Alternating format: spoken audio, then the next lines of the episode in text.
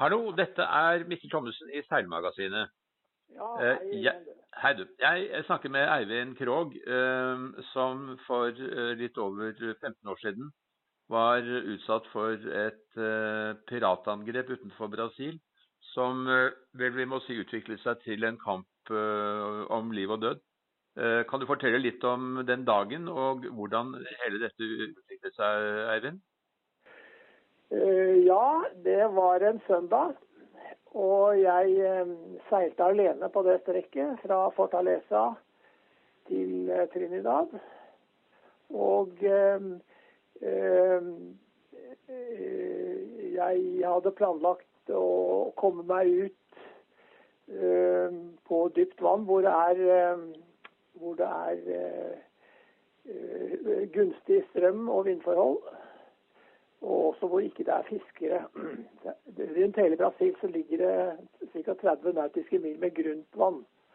Hvor det er masse fiskere. Men på en søndag er det lite fiskere. Og eh, jeg var akkurat nesten kommet ut til den eh, eh, til, til der hvor det begynte å bli dypt. da. Og det blåste kraftig fra nordøst. Eh, Jeg gjorde vel syv-åtte knop fulle seil og, og vindror. Og plutselig så ser jeg på babord side det kommer en fiskebåt mot meg. Ja, Den var vel på en 150-200 meter sånn. Så ser jeg den kommer rett mot meg. Med fem mann på dekk. Eh, og med en gang så skjønte jeg hva- dette dreide seg om. For dette er jo noe som vi som seilere har snakket, snakker mye om i de områdene der. Og så hele mitt liv gikk gjennom huet på meg da. Jeg visste at det var i, rett og slett i livsfare. Og det gikk jo veldig fort. da. Det gikk jo på et halvt til ett minutt. Så jeg handlet temmelig mekanisk. Jeg fikk demontert vindroret. Eh, og eh, tok styringen selv. Og eh, gjorde det eneste Jeg hadde ikke tenkt på det på forhånd, jeg gjorde det eneste riktige, viste seg i ettertid. Jeg, jeg kjørte rett inn i båten. Og i, i piratbåten, da. Det var en trebåt. Og du hadde en aluminiumsbåt, så den tålte det bra. Jeg hadde da en aluminiumsbåt som var veldig sterk. Den hadde 10 millimeter eh, aluminium i baugen. Og, og eh, så, så, så jeg tok sjansen på det. Men det var jo en reell fare for at disse piratene kunne komme om bord i båten din?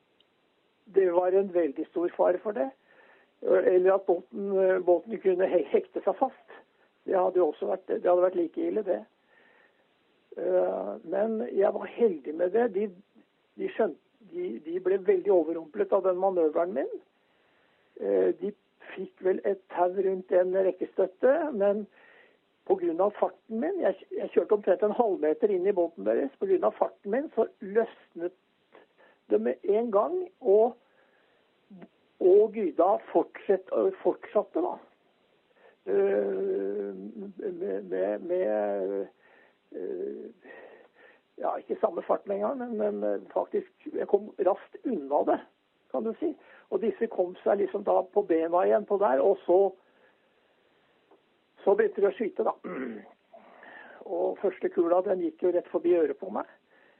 Og neste kula traff, uh, traff hekken. Gikk ikke gjennom, for det var jo sterke, sterke saker dette. Men jeg fikk en, en bulk i hekken da. Og det var jo for så vidt et salgsargument når jeg mange, mange år senere solgte båten. Ja, så- Ja, det var jo utrolig spennende, og, og du slapp jo på en måte unna to ganger. Først at du klarte å komme fri fra båten eh, og hindre at de kom om bord til deg, men også du også unngikk å bli truffet. Eh, for du hadde jo ikke så veldig mye å gjemme deg bak. Eh, du måtte Nei da, jeg, eh, jeg, jeg måtte jo styre med båten, så jeg, var jo et, eh, et mål. Men det er klart at de i den situasjonen de, de var i, så hadde de vel ikke mulighet til å sikte ordentlig. Eh, Så det var jo min, mitt, mitt hell der, da. Denne hendelsen var jo ikke så lenge etter at Peter Blake var blitt eh, skutt og drept eh, utenfor eh, Amazonas-elven. Hadde Ja, du snakket en del om om Den saken hadde vi snakket om, Ja. og det var jo en helt annerledes sak, egentlig. ja. Eh, For han gikk jo ned og hentet et våpen. ja. eh, Og kom opp med det våpenet. Og i den sammenheng og, og ble sett da med det våpenet. Og så, før han fikk gjort noe, så ble jo han skutt, da.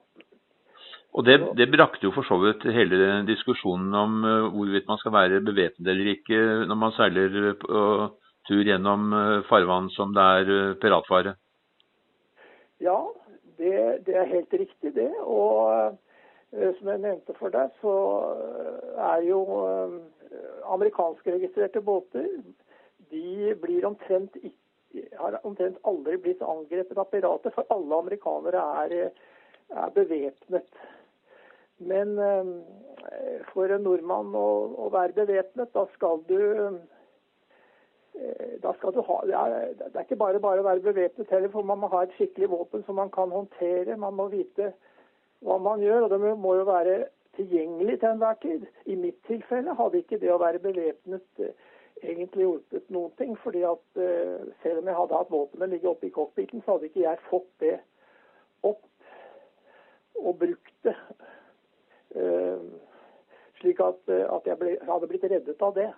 Jeg ble reddet av, av den intuisjonen som jeg hadde da, da dette skjedde, og, og, og, og veldig mye flaks, kan du si. da. Men, men det man kan si er at dette var en situasjon hvor det sto om liv og død. Det var enten dem eller deg. Ja. Og, og du kom unna, og resultatet var vel temmelig sikkert at disse piratene de omkom på sjøen. De omkom på sjøen temmelig sikkert. Eh, piratangrep skjer gjerne rett før eh, det blir mørkt. Og eh, jeg så dem så, så De fulgte jo etter meg en tid. Men så så jeg at båten deres ble tung i vannet. Og, og så plutselig skjente den ut til, til styrbord side. Og eh, ja. Jeg er temmelig sikker på at de, alle de der gikk ned. Eh, Men de sendte ut et nødsignal, eh, sa du? Hva sa du? De sendte ut et nødsignal? De sendte ut, eh, et, de sendte ut et nødsignal, ja. De sendte ut en eh, nødrakett. De gjorde det. Men det var jo ingen andre, fordi det var en søndag, så var det jo ingen andre fiskebåter eller eh, noen andre ute på sjøen. Det var bare meg. Eh, Men du var litt engstelig for at det kanskje kunne være noen som de hadde alliert seg med, som kunne dukke opp, eh, og som kunne gjøre Ja, livet surt for deg en gang til? Ja, jeg, jeg eh, gikk jo selvfølgelig uten noe form for terner eller annet lys. Satte på begge motorene mine. Så jeg, både, så jeg gjorde en 11 10-11 knopp. Og prøvde å komme meg så langt vekk som mulig, for jeg var redd for at de hadde noen medsammensvorne som de kontaktet, og som ville følge etter meg. Så, Så du var da på vei til eh, Trinidad, som var 10-12 døgn eh, unna? Det var en 12-14 døgn unna, ja. Mm. Og eh, det første jeg gjorde den natta Jeg turte jo ikke å gå eh, jeg, jeg, gikk, jeg var jo veldig redd for hvilke, å tenke på hvilke skader jeg selv hadde fått. Fordi jeg var alene, så gikk jeg ikke frem på dekk. Det var jo ganske høy sjø. Eh, Men jeg hadde ikke lekkasjer. Og det eh, var jo et godt tegn, da. Så eh, det jeg gjorde, var å lage et, en, et journalutdrag. Jeg lagde en sånn statement of facts på engelsk som jeg skrev for hånd for å bruke, eh, for å bruke når jeg kom til neste havn. da. For eh, det er klart, det gikk jo, eh, gikk jo gjennom huet på meg hele den natten. Hva, hva kommer jeg til å komme igjennom? Eh, Hva, skal jeg gjennom når jeg kommer til Trinidad og, og melder meg for immigration der? Hva vil de spørre om? Hva vil de Det ble jo et veldig forhør sikkert, dette her. Det, det, det, tenkte jeg på, faktisk på hele turen. Så det, Du var vel kanskje engstelig for å bli arrestert? ja, ja, ja, i høyeste grad. Men før vi kommer så langt. eh, Selve handlingen den var jo eh, impulsiv og sannsynligvis eh, temmelig adrenalindrevet. Men, men da adrenalinet dabbet av etter hvert, og, og du fikk litt tid til å tenke på det, hvordan hadde du det da? Du, jeg hadde det jo Jeg hadde det jo relativt bra, men det, som du sier, det adrenalinet det gikk jo nok bort i løpet av den natten. Og, og, Særlig når jeg så at, eh, at det ikke hadde vesentlige skader. Jeg hadde fått bøyet en bolt uh, som holder ankeret, så, jeg, så det satt fast. Jeg fikk ikke uh, rørt på ankeret, men, uh, men, jeg hadde ikke noe annet enn malingrester langs med, med baugen og, og, hele skutesida fra, fra denne båten. Og når jeg så at jeg selv var berget såpass bra, så, slappet jeg jo litt av med det. Men jeg hadde jo tenkt meg innom Djeveløya, som ligger utenfor ja, en av disse smålandene der, for å se på den fengselet til han Papillon. Men mm. det, det, droppet jeg pga. dette her. Så turen gikk jo Det var en fantastisk seilas med, med, med med slørseiling og, og, og medstrøm hele veien. vet du. Det...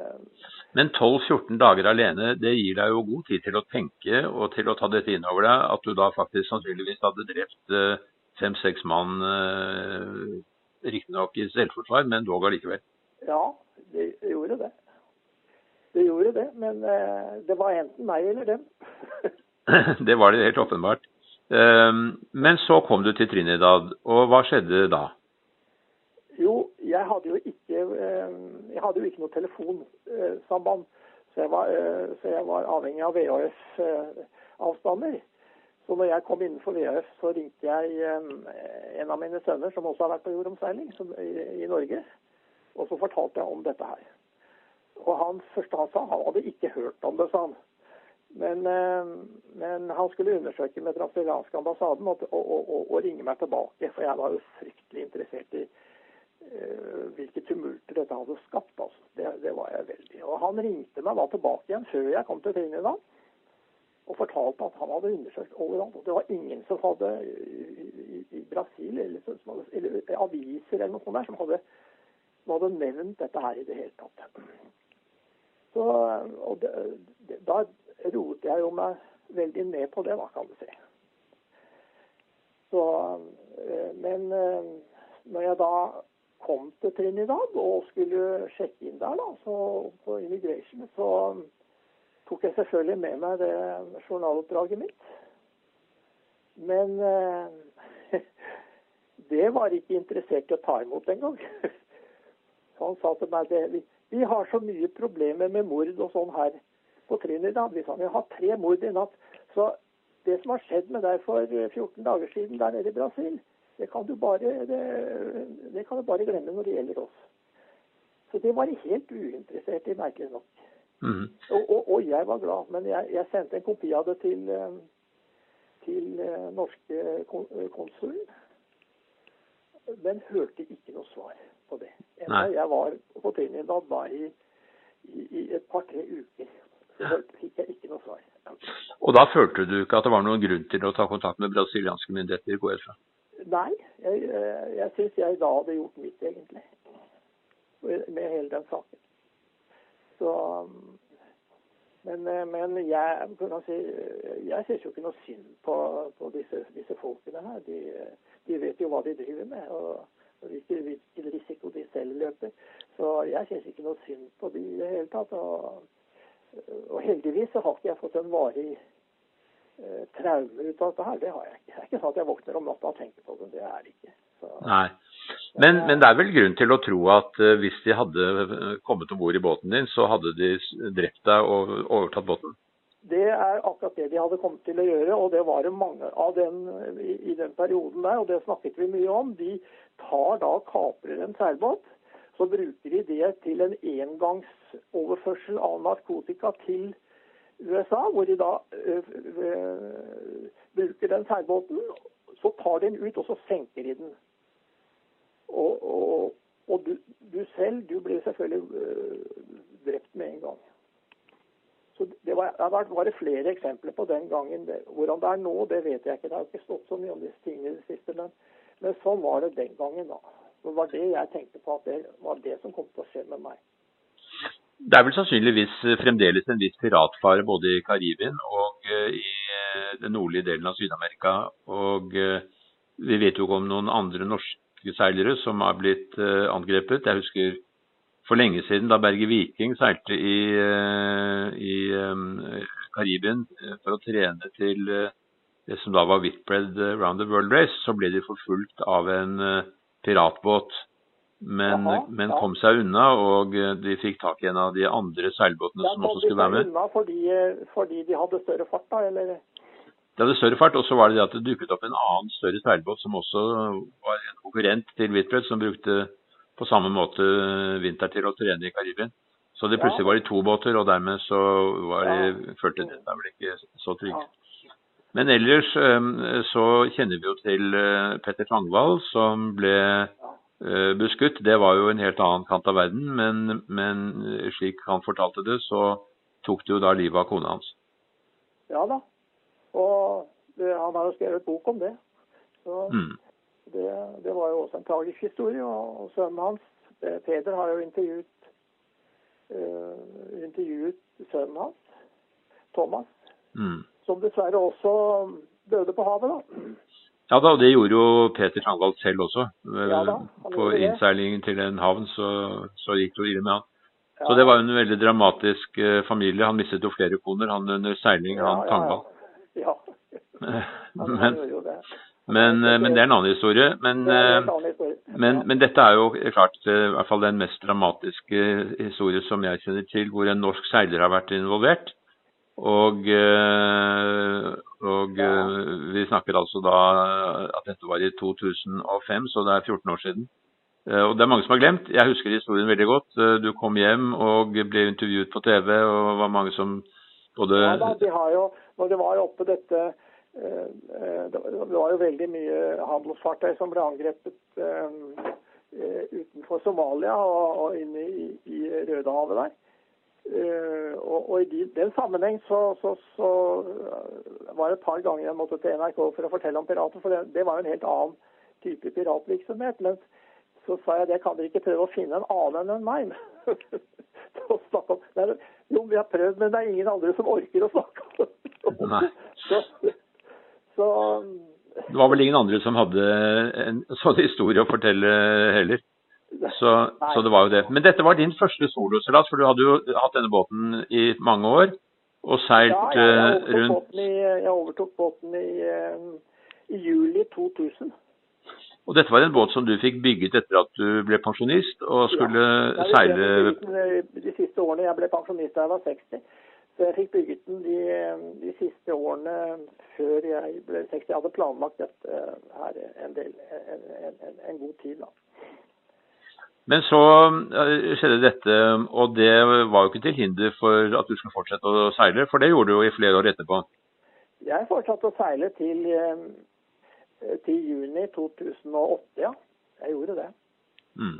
Så det, det forhindret ikke meg å, i, i, i, det, egentlig. Men jeg hadde ikke noen soloseilaser etter dette her.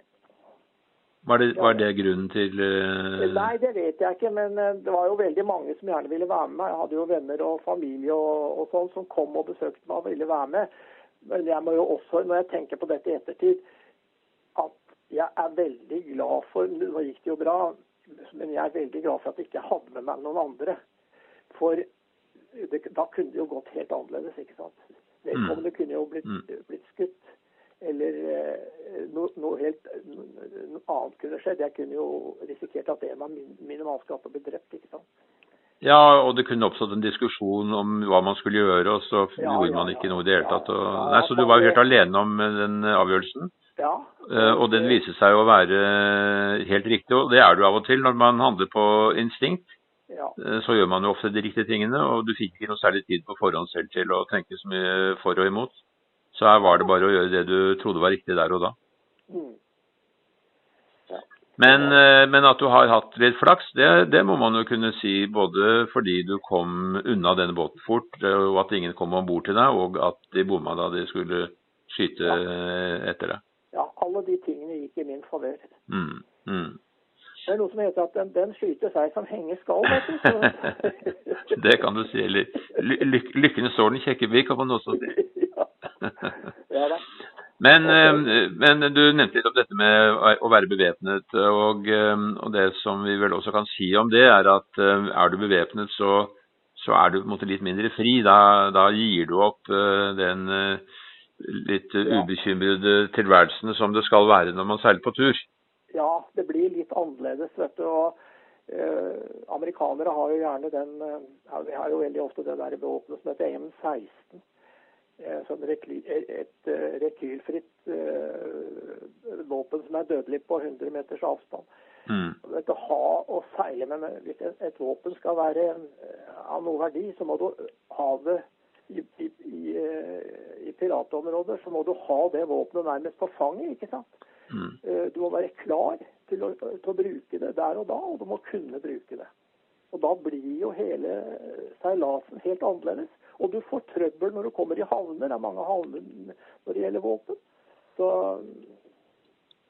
ja da, pluss at, pluss at, den konfrontasjonen med piratene blir jo mye mer dramatisk. Da blir det jo i hvert fall uh, deg eller dem.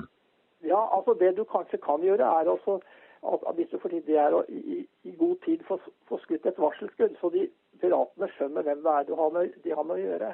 Mm. Og at de da avbryter det de har tenkt å gjøre, det, det er jo da en mulighet. Men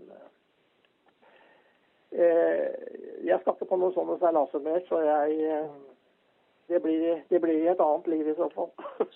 ja, det er, et, eh, det er, et, minne selvfølgelig. Og eh, om det er dramatisk, så, så er det jo alltid bra når utgangen blir bra. Og, og, det må vi jo si at det ble i dette tilfellet. Og også det at du da ikke har hatt Eh, noen eh, psykiske eh, problemer i eftertid, er jo bra. Det er jo ikke alle som vil kunne si det. Men, Nei, men det har jo Det er nok mange som ville kunne trekke dette med seg resten av livet, ja. At det mm. dukker opp liksom plutselig. Mm, mm. Ja, da. Mm. Men da, da, minnes vi da denne episoden som sagt var for, for 14 15 år siden.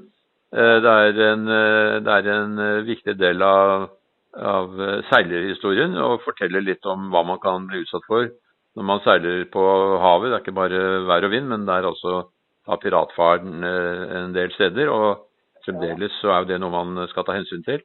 Og da kan jo dine erfaringer komme veldig godt med. Så jeg håper at uh, våre lesere vil, vil ta det inn over seg når de skal på lignende turer. Jeg vil også minne om det som Carl Emil Pettersen sa, nemlig at de største farene med sånne reiser som det der, det, det er ikke på havet, men det er på land. ja, det, det, er det nok selvfølgelig. Men det er først når det går gærent, så går det jo litt mer gærent på sjøen. Da. Det kan det gjøre, ja. ja. Eivind, takk for uh, praten. Hyggelig å snakke med deg. Og eh, som sagt, eh, man kan jo alltids gledes over en historie når det har gått så bra som det har gjort. Og, og det gjør jeg, og tusen takk for praten. I like måte. Hei. Ha det.